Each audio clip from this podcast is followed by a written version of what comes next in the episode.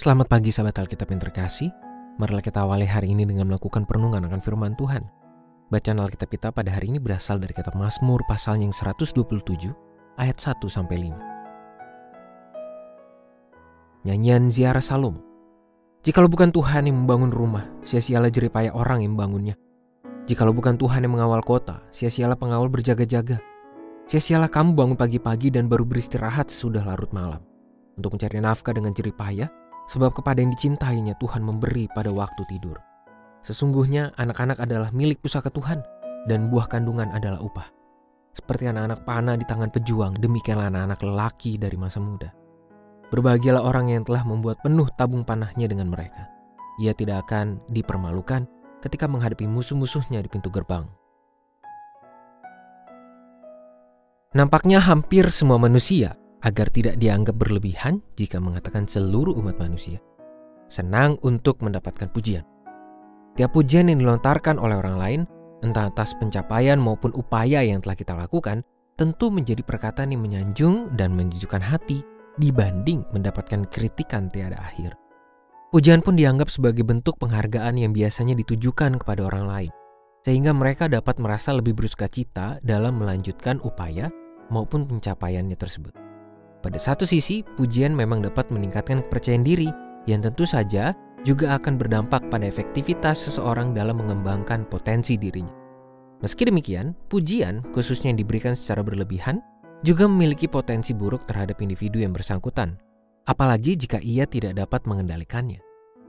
Salah satu dampak buruk dari pujian yang tidak terkendali adalah kecongkakan diri, yang juga akan mengaruhi sikap seseorang dalam mengolah dirinya menghadapi kenyataan. Misalnya saja, seorang atlet dengan banyak prestasi gemilang yang justru berubah menjadi congkak akibat ketidakmampuannya dalam mengendalikan berbagai pujian yang ditujukan kepada dirinya, sangat mudah membuat ia menjadi atlet yang menganggap remeh proses. Alhasil, ia menjadi kurang berkomitmen dalam berlatih sehingga mengalami penurunan kualitas keahlian dibanding sebelumnya. Kondisi yang serupa juga dapat terjadi pada kehidupan beriman, yakni ketika kita telah kehilangan kepekaan dan kerendahan hati dalam menjalani kehidupan. Berbagai pujian yang kita dapatkan pada saat mencapai berbagai keberhasilan sangat berpotensi menumbuhkan kencongkakan iman di hadapan Tuhan. Itulah mengapa perkataan pemazmur dalam pembukaan liriknya ini sangat menjadi penting untuk kita refleksikan kepada diri sendiri agar kita tidak justru berubah menjadi umat yang congkak di hadapan Tuhan.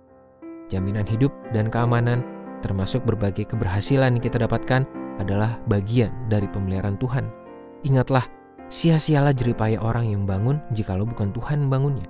Sia-sialah pengawal berjaga-jaga jikalau bukan Tuhan yang mengawal kota. Sia-sialah orang yang berjeri lelah jikalau bukan Tuhan yang memeliharanya. Semua yang kita nikmati hanyalah karena peran aktif Tuhan dalam kehidupan kita. Marilah kita berdoa. Tuhan tolonglah kami untuk menjadi umat yang memiliki kerendahan hati dalam beriman. Menjadi umat yang mampu menikmati setiap bentuk pemeliharaan Tuhan dengan kepekaan dan kesadaran diri bahwa semuanya hanya terjadi karena Tuhan. Dan biarlah hidup kami boleh menjadi kesaksian dalam kerendahan hati sehingga banyak orang boleh menyaksikan dan mengalami karya Tuhan. Hanya di dalam nama Tuhan kami Yesus Kristus kami berdoa dan menyerahkan kehidupan kami. Amin.